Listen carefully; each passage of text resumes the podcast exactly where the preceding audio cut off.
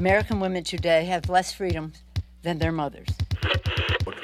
And these heat waves are becoming more frequent because of uh, climate change. Uh. Inflation in the euro area is undesirably high, and this is a great challenge. Every image is a new discovery, and each will give humanity a view of the universe that we've never seen before. Бойовий досвід і може приєднатися до оборони України, повинен негайно прибути до відповідних центрів комплектації. We have had wars with Russia, and we don't want that kind of future for ourselves, for our children. Hasta la vista, baby!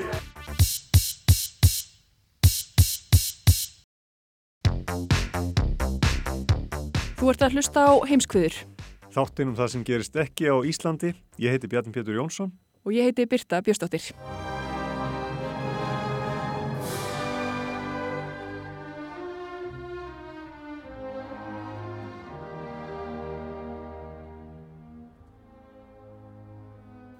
Fyrir rúmu ári síðan áttu vafalust einhver erfitt með að staðsetja Úkrænu á heimskortinu. En nú rúmu ári eftir að stríðið þar ofst og daglegan fréttaflutninga af því þá hljóma helstu borgar og bæjanöfnar orðið nokkuð kunnulega í allra eirum.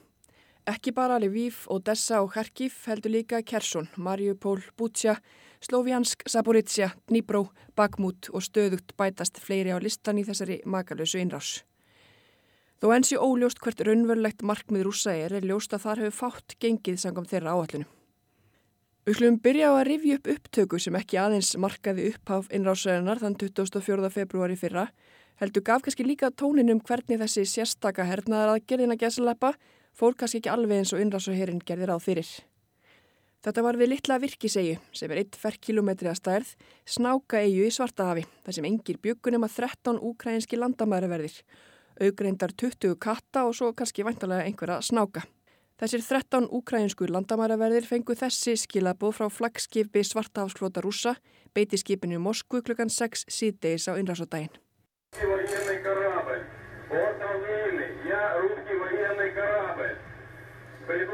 Ég er skip og rúsneska sjóhernum. Ég endur tek þetta er rúsneski flotin. Ég hvet ykkur til að leggja vopninga niður þegar í stað og koma ég vekk fyrir blóðbað og tilgangslöst mannfall.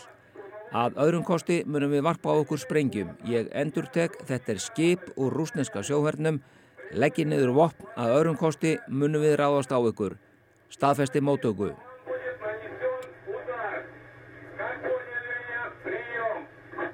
Í kjölfar skilabóðana kemur þögn, en svo stóð ekki á svari hjá ukrainsku landamæraverðunum. Rúsneski herin farið og fokkið ykkur.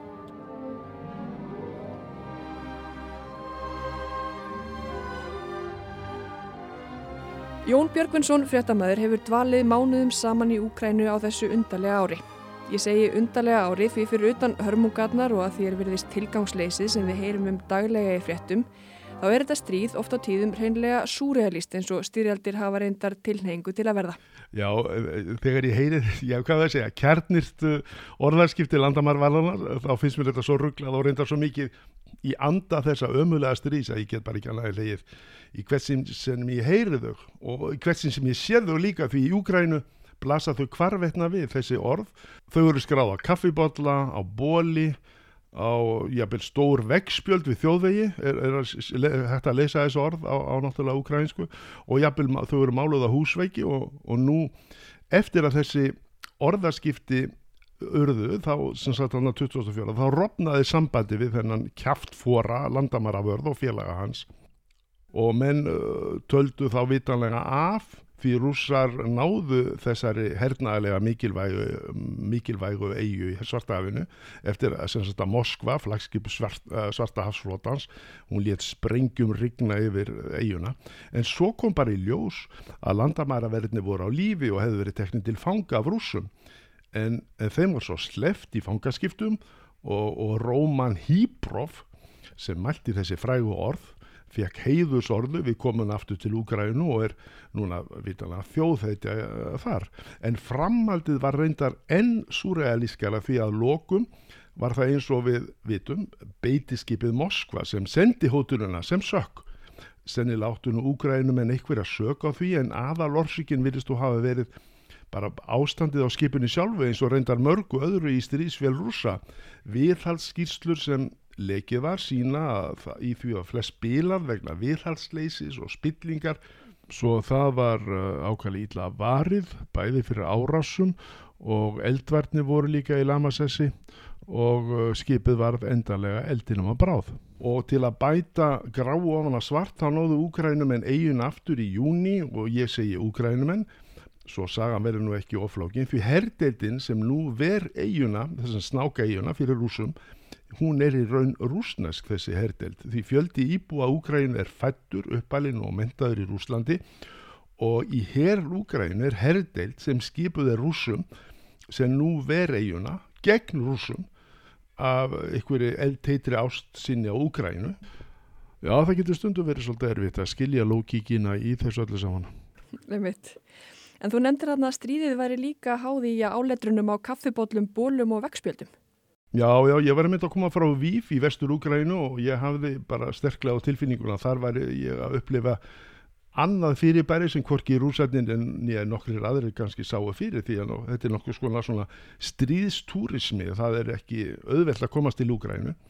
en þó geta til dæmis pólverar skotist yfir landamærin í dags eða helgarferðir og þeir byrja þessu upp af minnjagripum sem búðarnari líf eru fullar af skeinipappi til dæmis með myndum af Putin likla kipur með rúsnesku herskip í, í, í ljósun lofum og, og kaffibótlum í fánalitunum og raunar eru úkrænum en svo hefnir að bæði fánin þeirra í tveimu litum og skjaldamerkir þeirra eru mjög stílsvein svo hvort tvekja er kvarvetna að sjá og minnjagripin með þessum takkulum fylla vestlunarglugga í líf og og vitan að ég teki fram að ágóðinn renni beint í, í þennan strísrekstur og ekki má gleima frímerkja útgáfinni sem sínur nú kannski hvað úkrænum en ná eftir allt að halda í húmórin svolítið þar áttu verið alla þessar hörmóka því að úkrænska posttjónustan er sennilega svo eina í heiminum sem gefið hefur út frímerki með mynd af hvernig orðað þetta uppréttum fingri af, af landamaraverði að rétta rúsneska herskipinu fökkmerkið og reyndar var frímerkið svo endur útgafið eftir að það var endur útgafið eftir að, að beitiskipinu Moskvu var sögt og þá var bara mynd af landamaraverðinu með fingurinn fræga og, og því skipið var búið að þurka út af frímerkinu. Og, og að því við erum að tala um hluti sem búið að þurka út hérna í Úgrænu þá, þá var á, á einni stjórnarskristofinni kænugjari sem ég kom á það var eins og það var eins og víða svona svona stjórnarskristofa það var stort heimskort sem fylgdi hálfa megg. En það var svolítið skrítið þetta heimskort því þar var Skandinavega bara orðið það eigu því það hefði allt Rúsland bara verið þurkað út af kortinu og, og komið sjóri í staðin Já, ég skil En eins og hérna, sjómasáhraundur hafa séð undanfarið árið þá hefur þú verið, þar, verið Úkrænu reglulega. Eh, þú nefndir það að það er ekki auðvelt að komast langa hins vegar. Nei, það er ekki auðvelt að komast hvorki til Úkrænu nýja frá Úkrænu heldur því að ég, þegar ég kom hann að síðast, kom frá Úkrænu síðast þá stóð ég ansi lengi við landamærin því að fyrir fram að mig hérna stóð ungur Úkrænumadur í rauðinni og hann var að fara með sagt, sína, alla sína pappir því að menn á þessum aldri, úgrænu menn, fara nú hvergi nema þeir hafi massífa pappir sem skýra hvers vegna þeir þurfa að komast nöðsynlega úr landi frekar enn að sína herþjónustu sem allir eru nú sagt, hugsanlega hvetti til að, að, að sinna. Og um, það getur bara tekið við landamæraverðina tölvett langa tíma eins og í þessu tilfelli að fara í gegnum þær undan þá er allar áður en honum er hleyft út. En, en semst ég er búinn að ferðast hvað, já, sexinum til Úkrænu á einu ári og ég er búinn að vera þar samtals í yfir fjóra mánuði vegna fréttastarfa. Og ég segi stundum til að fólk gerir sér grein fyrir hvað þetta er í raun og verið langt ferðala þá þótt úgræna sín og ekki langt í burtu að þetta er svona svipað eins og ég hafi verið að ferðast til Ástralíu fram og aftur sexinum á einu ári. Því hver fer tekur þetta tvo daga í hvora leið þannig að, að, að 24 dagar hafa færið bara þessum, í þessum sex semst, ferðum fram og aftur. 24 dagar hafa bara færið í ferðalagi sjálft uh, til og frá Úgrænu og þessu einu ári. Því allir flugvellir eru vitanlega lokaðir eins og við kannski getum rifjað upp þá að tvær farþegavélar verið skotna niður á undanförnum árum yfir Úkrænu, hvort sem það var að vanga eða vilja, en, en þetta var nú áður en þessi átök hófus og það er skiljilegt að flugfélög sem nú ekki mikið að, að, að hérna hafa áhuga á því að, að vera að fljúa hérna á þessu svæði núna. Svo, svo það eru þá bara hvað eftir, lestir og, og bílferðir, annað hvort þá frá Kisná í Moldavíu ef maður er á leiðinni til Odessa eða Suðurhlutans eða hins vegar frá Varsjá í Pólandi ef, ef við erum að leiðinni til Kænugars eða í norður, vestur og austurhlutan Nú, veginnir eru nú tilturlega góðir en ég get þó talið í hundruðum þau skipti sem við höfum þurft að stoppa við vegtalma til að sína skilríki, til að gera grein fyrir okkar ferðum og það tekur náttúrulega allt sinn tíma á þessum ferðum. En eftir því sem austardregur þá fækkar heilum brúm svo það þarf ofta að þvælast í gegnum skóa til að finna vað eða yfir bjálkabrýr ykkurar sem herin hefur nú verið dúlega við að byggja upp í hlið þeirra sem voru sprengtar og reyndar er alveg ótrúlegt hvað uppbyggingin er oft hröð eftir, eftir þessar mikla skemmtir en lestarnar sem, sem tengja landið eru heldur engar hraðlestir þetta eru nú gamlar lestir og minna bara helst á sovjetímana og í hverju vagnir er eh, kona eða kall sem sér um að halda vagninu með heitum eða því að kinda hann með kólum, kólofni þannig að þetta er nú hansi gömur faratæki en, en kosturinn samt við lestarferðnar eru það að, að lestin fer þó með því og allt þitt hafutask yfir landamærin. En ef þú ert á bíl þá þarftu nefnilegt að skipta um bíl við landamærin og og bera svo allt þitt hafur task sjálfur yfir þetta langa gráa svæði milli, milli landana og það getur nú verið tölveri flutningur eða þú ert með já, eins og í, okkar tilfelli skoteld vesti, hjálma og jafnvel rafstöði í farteskinu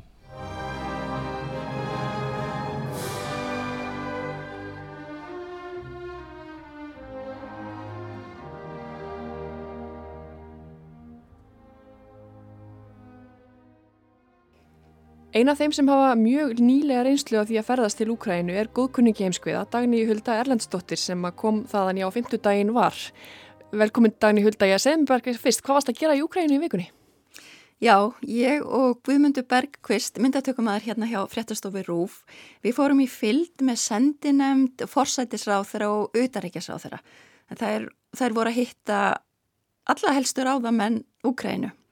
og þið voru svona bara flugur á vegg og fylgjast með heimsókinni. Já, einmitt, fylgtið þeim fast eftir, það var hrjöða dagskrá og fylgjum svona með þessu helsta. Já, þið stoppuðu náttúrulega ekki lengi en tekur undir þessar lýsingar Jóns Björgvinssonar hér áðan að það sé erfitt að komast til Úkrænu? Algjörlega. Það, það hérna, þetta ferðarlega reynir á, bæði andlega og líkamlega og eins og til dæmis í okkar tilfelli þá tók ferðarlegi frá Íslandi og í, til Kíf 30 klukkutíma.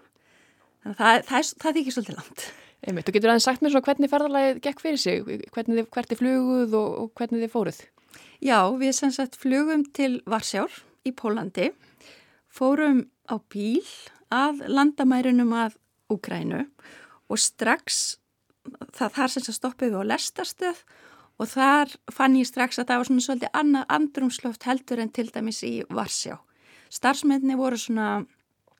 ég veit nú ekki alveg hvað, hvernig búningar þetta voru, þeir svona, voru svona grænir, svona svolítið eins og þetta væru herbúningar. Og ég sá að sem sagt, fólkið sem var á leiðinni í lestina var á baku einhverju svona háa rimla, svona eins og þau væri að fara í gegnum eitthvað mikið eftirlitt og þá fyrir maður líka að hugsa eins og, eins og maður hefur heyrt bara í viðtölum til dæmis við úkrænumenn sem hafa flúið til Íslands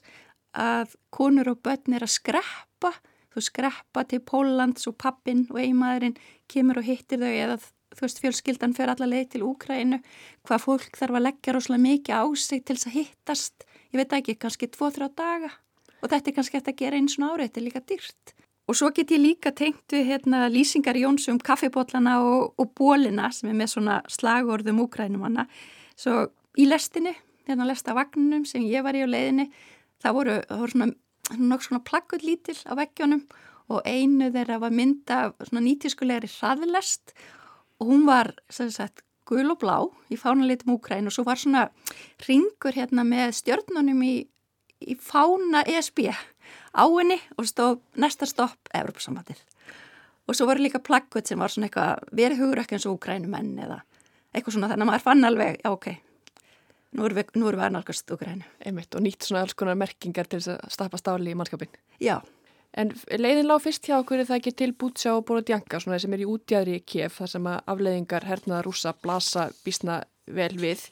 Nú ert þú eina af þeim sem hefur verið að segja fréttir nær daglega frá því sem þarna hefur gengið á. Getur líst í hvernig það er síðan að koma ángað? Já, það er hérna, það er bara allt öðruvísi og myndirnar sem hafa borist eru auðvitað alltaf átakanlegar að horfa á bara íbúa blokkir sem eru bara svartar tómar og hálfrundar og maður veit að þarna voru fullt af fólki sem bara lést í árásunum. En að koma og sjá það og bara lappa alveg upp að þeim, það er, það er bara enn átakanlegra. Og eins og þarna í Borodjenka sem er sem sagt svona hverfi svona í útjæðri kýf uh, þar fóru við inn í hverfi. Bara, bara strax og við komum inn, það voru nokkrar blokkir sem hefur verið sprengtar og og einn eða þá var eins og gablin hefði bara farið af svo var ég búið að skera íbúðina í, í hálft. Og þá var ennþá bókahillur inni, þá var eldúsborð og stólar og græni vekkir og alls konar þannig að við svona einn sáum inn á heimili og þetta bara stendur allt ennþá og blokkinnar eru svona svartar, það eru rólur í gardinum, þetta er svona bara blokkar hverfi, maður ímynda sér krakkarnar að vera að leika sér þarna, rólurnar eru sundar, það var leikskóli og svo veist þeim er svona bara í göngufæri frá öllum blokkonum hann var sprengtur og fólk var þarna bara þú veist það var bara umsátur rússar komið þarna strax þeir ætlu að fara þarna í gegn á leiðinni til Kíf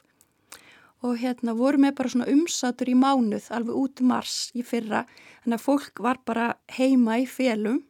og svo hafa borist frásagnir af því, svo var fólk náttúrulega búið með matin heima og einhver alltaf að laumast út, reyna að retta einhver á borða og bara kom ekkert aftur. Og flestera sem hafa fundist látin voru bara skotin með bissu. Já, bara á færi út á gödu. Já, og, og það er svona, þetta er svolítið svona eins og einhvers konar bara heimsenda tilfinning að vera þarna, horfa blokkirnar svona og svo einhvern veginn svona til að toppa að það voru krákur fljúandi kring, krunkandi.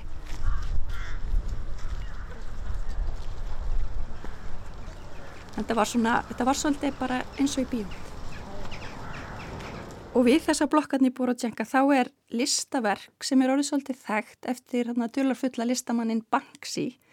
og, og sendi nefndi skoðaði það, það líka og hérna hann hefur greinlega komið ánkall núna á síðastliðun ári og gert þetta og á málverkinu, eða veglistaverkinu, þá er hérna barn í sagt, jútogalla og búið að taka Pútín og hérna fella hann sagt, á einhverju jútobræði. Ég veit snúa niður. Ég snúa hann alveg niður og, og ég býstu þetta sé svona táknum það sem fólk vonar að Ukrænumenn geri við Rúslandsér.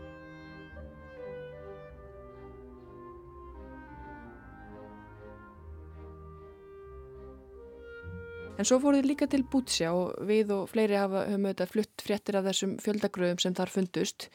Það er búið að setja upp eins konar, já er ekki ljósmyndasýning eða annað til þess að minna á uh, hörmunganar? Jú, þarna sem sagt er kirkja, verðist vera ný kirkja og við hana þá fannst fjöldagröf þegar rússar hörfuð, þeir hörfuð líka frá Bútsja þarna mánamótin massa apríli fyrra og það voru yfir hundra manns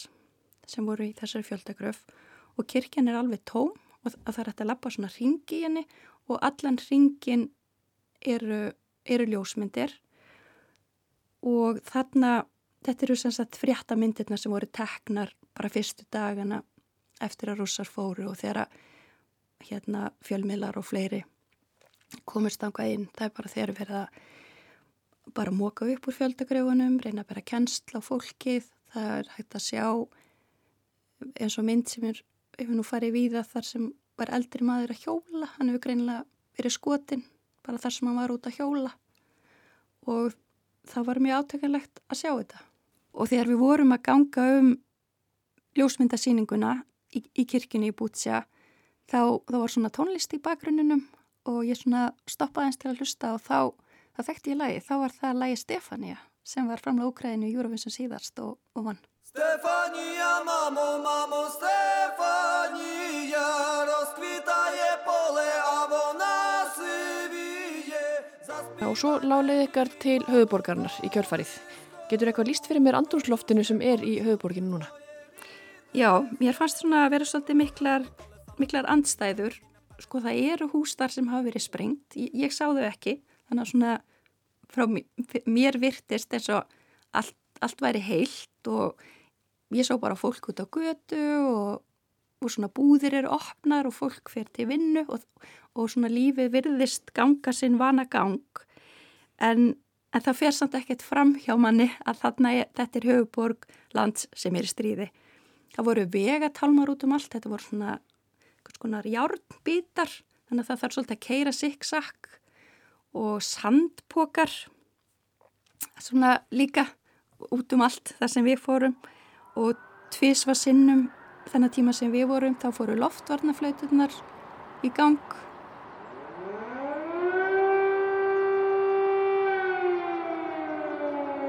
og hérna og fréttamaður sem ég hitti á bladamannafundi þarna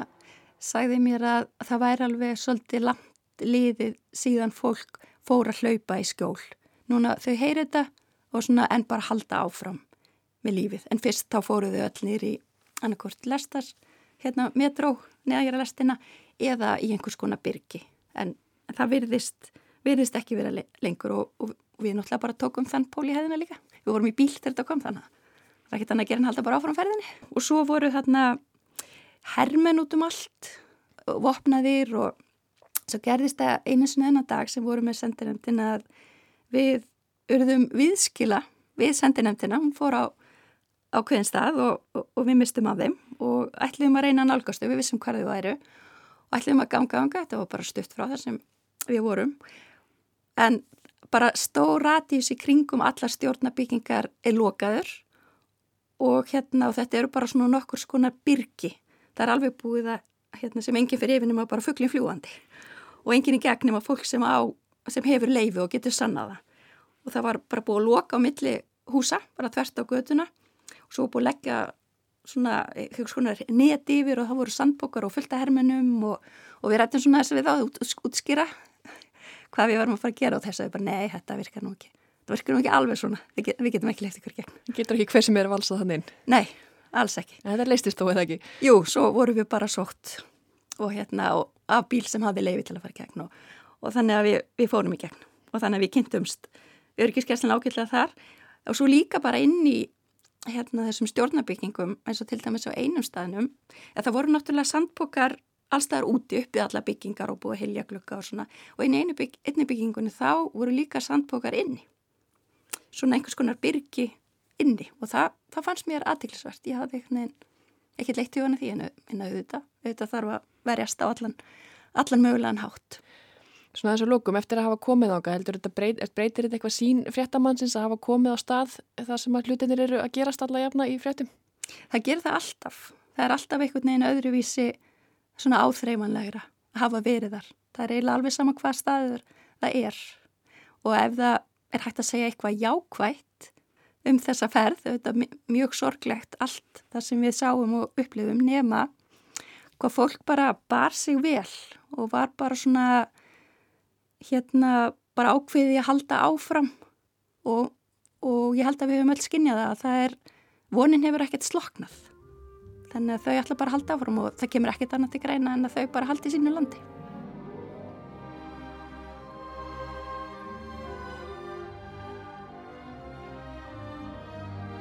En snúum okkur aftur að Jóni Björgvinsinni. Þó Jón hafi farið sex sinnum til Úkrænu síðastlið árið, þá var það ekki fyrstu ferðinans. Hann hafi töluvert verið í Úkrænu áður en að stríði braust út. Hann ferðaðist jafnvel um östulutan með Selenski fósetta á sínum tíma. Jú, ég, ég hérna fyrir, hvernig var þetta, 2020, þá náði ég aðeins að kynast þessum, þessum umtalaða fórsetta Selenski því að ég var að fljúa með honum yfir svæði eða að svæði aðskilnaða sinna í austri í rúsneskri eh, herþyrlu í tilitni þess að hann var þarna að taka á móti erlendum ráþeira og var að sína honum þetta svæði. Og hérna, já ég mun bara að segja að hann var nákvæmlega eins og hann kemur fyrir í, í sjónvarsfrettunum okkar nærdalega ákvæmlega óformlegur og, og hérna alþýlegur og ákvæmlega þægilegt að, tala við hann. Svona á, á þessum tímapunkti það er kannski erfið að ná sambandi við hann núna. En annars var ég þarna tölvitt í stríðinu sem hófst 2014 en ég kom fyrst til Úgrænu fyrir, já, núna hvað 11 árum. Og þá ferðaðist ég bæðum Póland og Úgrænu vitt og breytti til þess að að knaspinu samband Evrópu hafi valið Póland og Úgrænu til að halda sameilega Evrópumótið í fótbolta. Ég hef stundum haldið því fram að það hafi verið uppæfið að þessum óskupumöllum, þetta, þetta Evrópumót þarna í fótbolta 2012 því að uh, þetta er nú kannski samt mín persónulega sögurskoðan að kenna þáverandi fórseta knaspinu sambandsins Platini Jaft og Putin um þessar hörmungar allar því þarna var þetta einágraða fyrverandi sovjelveldi sem satt greinlega í fyrsta sinn að opna glukkan í vestur. Og hvað blasti þá við sem satt úkrænumannum það blasti við Póland sem áður hafi verið á svipauðu efnaðastíu og Úkræna það var nú búið að skilja þessa nágrannlýsina eftir í ríkinu eftir aðeins hvað átta ára aðilsinni að, að Evrópusambandunni en, en Úkrænumenn vildi þó greinilega sína að þeir væri nágrunni sínum engir eftirbátar og þeir eitthvað miklu fjegi eða byggja ég bæði flugstöðar og fótboltavelli viða um landið í til þessara tímamóta. Til dæmis var Donetsk Þetta var einn vettangurinn fyrir semst Evrópumóti í fótbolta 2012. Borgin sennilega valin til að skilja ekki austur héröðin út undan í þessari veislu. En semst ekki með meiri áragri en það að, að, að núna 11 ára síðan er borgin búin að, að kljúfa sér frá Úgrænu og, hérna, og flugstöðin, þessi glæsilega nýja flugstöð, hún er bara rústireinar. Og ég man eftir þessari fallugu flugstöð þarna sem núna er ekki til lengur þarna voru öll tæki af nýjasta tægi og, og þó það þarna þótt, þrátt fyrir alla nýjastu tækina þá satt það bara að gamla mátan þéttvaksinn babúska við borð og handskráði alla sem komu um stöðuna í stóran klatta líkt á sovjetímum og tók svo ljósrit af vegabrefinu en þurfti þó að fara til þess yfir í gömlu flugstöðuna því það var ekki ljós, ljósritar í þessari nýju. En sem sagt það er vitanlega ekki hægt að, að loka glukkanum eftir þetta til vestus og þeir gáttu það ekki úkrænumenn og eina valið sem sagt Evrópa eða bara dauðin eins og núna þeir eru núna að, að, hérna að upplifa. En, en árið eftir Evrópumóti þetta 2012 þá gerði Úgræna því samning við Evrópusambandið. En þegar uh, Janukovic fórsiti neytaði að skrifa undir hann árið, árið eftir 2013 vegna þrýstins frá rúsum það fór náttúrulega allt úr böndunum blóðum mótmæli í mætan eins og um munum í kennugarði uppreist aðskilnaða sína í Donbass í austri, innlimun Krímskaga og svo náttúrulega innrásin fyrir ári. Og, og rúsar hafa uh, áður sínt það í Georgíu að þeir þóla ekki að þessi tvö ríki á landamærunum að landamærun þeirra færi sér í vestur. Og þegar ég hlustaði í síðustu ég, hvað er þetta? Þrjár viku síðan síðustu ræðu Pútins þá var, fannst mér bara eins og ég var að hlusta á já hvað þau að segja, afbreyði saman eigimann útúða nýja unnustónum í þessari í þessu ofbeldi sambandi hans við sína fyrirverendu og, og er þar bara náttúrulega fyrst en enn fastar í faðminn á þessum vestræna, já hvað, hviðmági sínum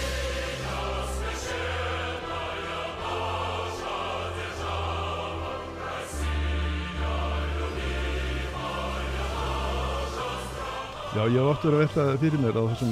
löngu ferðum, maður hefur nú tíma til að hugsa svolítið, uh, allar þessar bílferðir,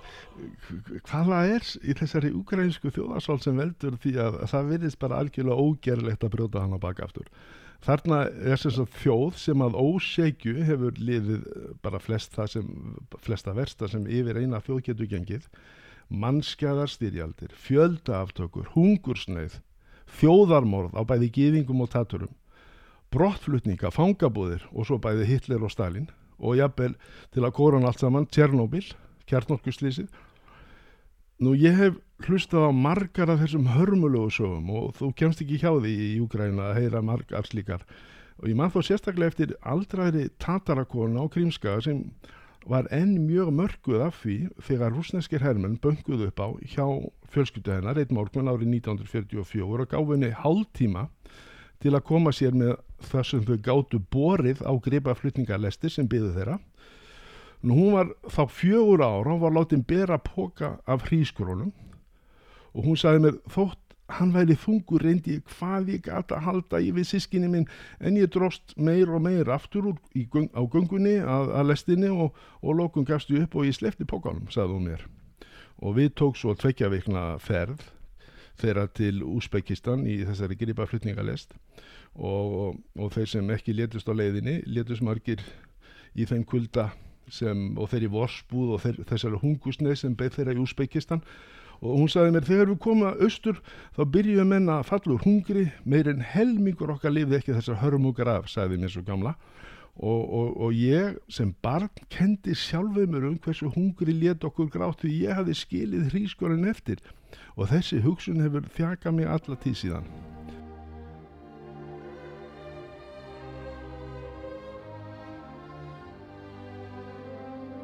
Og þegar ég geng til dæmis um Babi Jar gilið í kænugarði þá bara veldi ég hreinlega fyrir mig hvernig það var yfirleitt framkvamalegt fyrir nazista að taka þar á einu stað nær 37.000 manns á lífi á aðeins tveimur dögum árið 1941 sem sagt það er oft og mikið verið hokkið skarði þessa íbúa þessa, þessa úgrænu og það hefur vissulega gert þá mjög harða. Nú svo er annar kannski sem spila þarna kannski líka inn í. Þeir eru svo vanir að bjarga sér sjálfur því að stjórnsíslan er veik hefur verið það, innviður gamlir og spilling, þannig að þeir bara hafa, eru bara vanir að vera sjálfur sem nægir, þannig að að, að, að ólíkt mjög skipulöðum og, og ríkari löndum þar sem ég hef líka séð afleðinga náttúrulega hann fara og þar sem allt bara fyrir skorðum ef íbúðarnir komast ekki mollið að morgni þá, þá kunna úgrænum en bara bregðast við þótt öllu þessu sé kift undan þeim. Því gengur rúsum uh, til dæmis svona illa að rústa innviðunum sem þeir hafa nú eins og við höfum séð í fréttum verið að snúi sér æg meira af eftir að líti gengur að sækja fram hernaðlega því þessir innviðir eru oft bara stað frumstaður og gamlir frá sövitímum að það verist tildulega auðvelt að koma þeim aftur í samband næst, bara næsta dag með einföldum tólum. Og það er ótrúlegt hvað víða, hvað hvað sem ég fer um hvað víða er ramagn og bæði net og símasamband þráttur er allt þetta helst að það sé erfitt að hitta kannski erfitt að hitta hýbílin um vetur en þar aftur eru þau vanir að búa bæði við kóla og viðarkindingu og, og það er náttúrulega ekki auðvelt að, að, að, að eiðilegja slíkt með einhvern sprengja árasum og það sem ég hef reyndar fyrðað mig jafnvel enn meira á er að ég hef enn ekki komið á, í það afskett þorp þar sem enn hafast við aldraðir íbúar að, að þeir hafa ekki verið búinir að fá einhvers konar neðþurftir til sín, einhverja hjálp. Jafnvel þótt allir vegir í nákvæmlega séu sundu sprungnir. Þannig að hjálpin er mikil og hún hefur henni ekki reynið text að dreifa henni mjög víða. Þannig að ég hef ekki enn síðan fólk sem ekki hefur fengið neina aðstof og þannig að þessi samhugur gefur kannski bónur um að, að þessar hörmungar verði kannski til þess að, að hérna úgrænumönnum takist loks að byggja eftir þetta stríð upp það þróaða og, og frjálsa ríki sem þeir eiga skilir og kannski þurfa kannski óbeint að þakka rúsunum fyrir það. Og þú segir einmitt nefni spillingu því hún var einmitt mikil í Úkrænu eins og þú segir og stjórnsíslan veik og það hefur kannski bara gert á ennþá sterkari til að takast á við þessar áskoranir. Eins og ég myndist á áðan þá var ég þarna þegar stríðið við aðskilnaði sinna stóð sem hæst fyrir nýja árum í Donbass og þetta var að sumar og maður var þýstur og við stoppum við bensinstöð því mann sérstaklega eftir þessu. Og ég, og ég opnaði kæli skápfullan af kóki og ætlaði hann að fara að gæða mér á því. En, en hann virti spilaður þessi kæliskápur og, og drikkindir honum voru volgir. Auðvitað Pepsi kælin sem var í hliðina. Svo ég fekk mér í staði Pepsi, kallt Pepsi. En næsta dag komum við á aðra bensinstöð og þar var alveg að samu upp á teilningnum og eins á þeirri þrifju svo ég fór nú að nefna þetta við tólkinu okkar hvað þetta verður nú svolítið undarlegt að, að hérna, það verður allstaðar bílar þessir kókælir kælar. Og hann skýrði fyrir mig líkt og ekki tvær eðlulegra hann sagði bara að þú veist Pepsi svolumæðurinn var greinilega á ferðin í vikunni og, og hann greiði, greiði náttúrulega angriðslu fólkinu fyrir að taka kókælin úr sambandi og í næstu viku verður það væntalega kóksalinn sem verður á ferðin og þá er því Pepsi kælirinn tekinu sambandi og og, og kóks, hérna kælirinn settur í samband og svona kolla kolli. Og svo bætti hann bara við velkomin til Úgrænu ég var líka fyrir stríð uh, fyrir stríð þá var ég einn morgun að, að líta út um klukkan á hótelherbyggjunu við aðaltorkið í Saporidja og þar var stór hópur lauruklumanna mættur við ráðhúsið við einhverja aðtöfn og mér fannst þetta svo forvitinlegt að sjá alltaf þess að lauruklumann við einhverja aðtöfn við ráðhúsið og ég vildi vita hvað var að gerast og ég fekk þar skýringar að þarna væri líkt og í mörgum öðrum bæjum að skif, verið að skipta út öllu lögregluliði borgarinnar hreinlega til að reyna að hreinsa út spillingi hennar rauðum í eitt skipti frá öll. Nú, svo hefur Úkræna líka og þú getur nú spurt alla síkaretu framleiðindi heiminum af því að Úkræna hefur nú alltaf verið svolítið uh, margtrúið fyrir þá því að Úkræna hefur um langan tíma verið þekkt fyrir sjóranningja framleist af öllu dagi og mest allir eftirlíkingum af vinstælustu gerðum að síkaretum koma til dæmis úr versmiðum í Úgrænu leynilegum versmiðum þar og stundum jafnvel úr versmiðum sem eru leifar af þessa gamla yðnar og landbúnaðar veldi sem Úgræna var á tíðum Sovjetiríkjana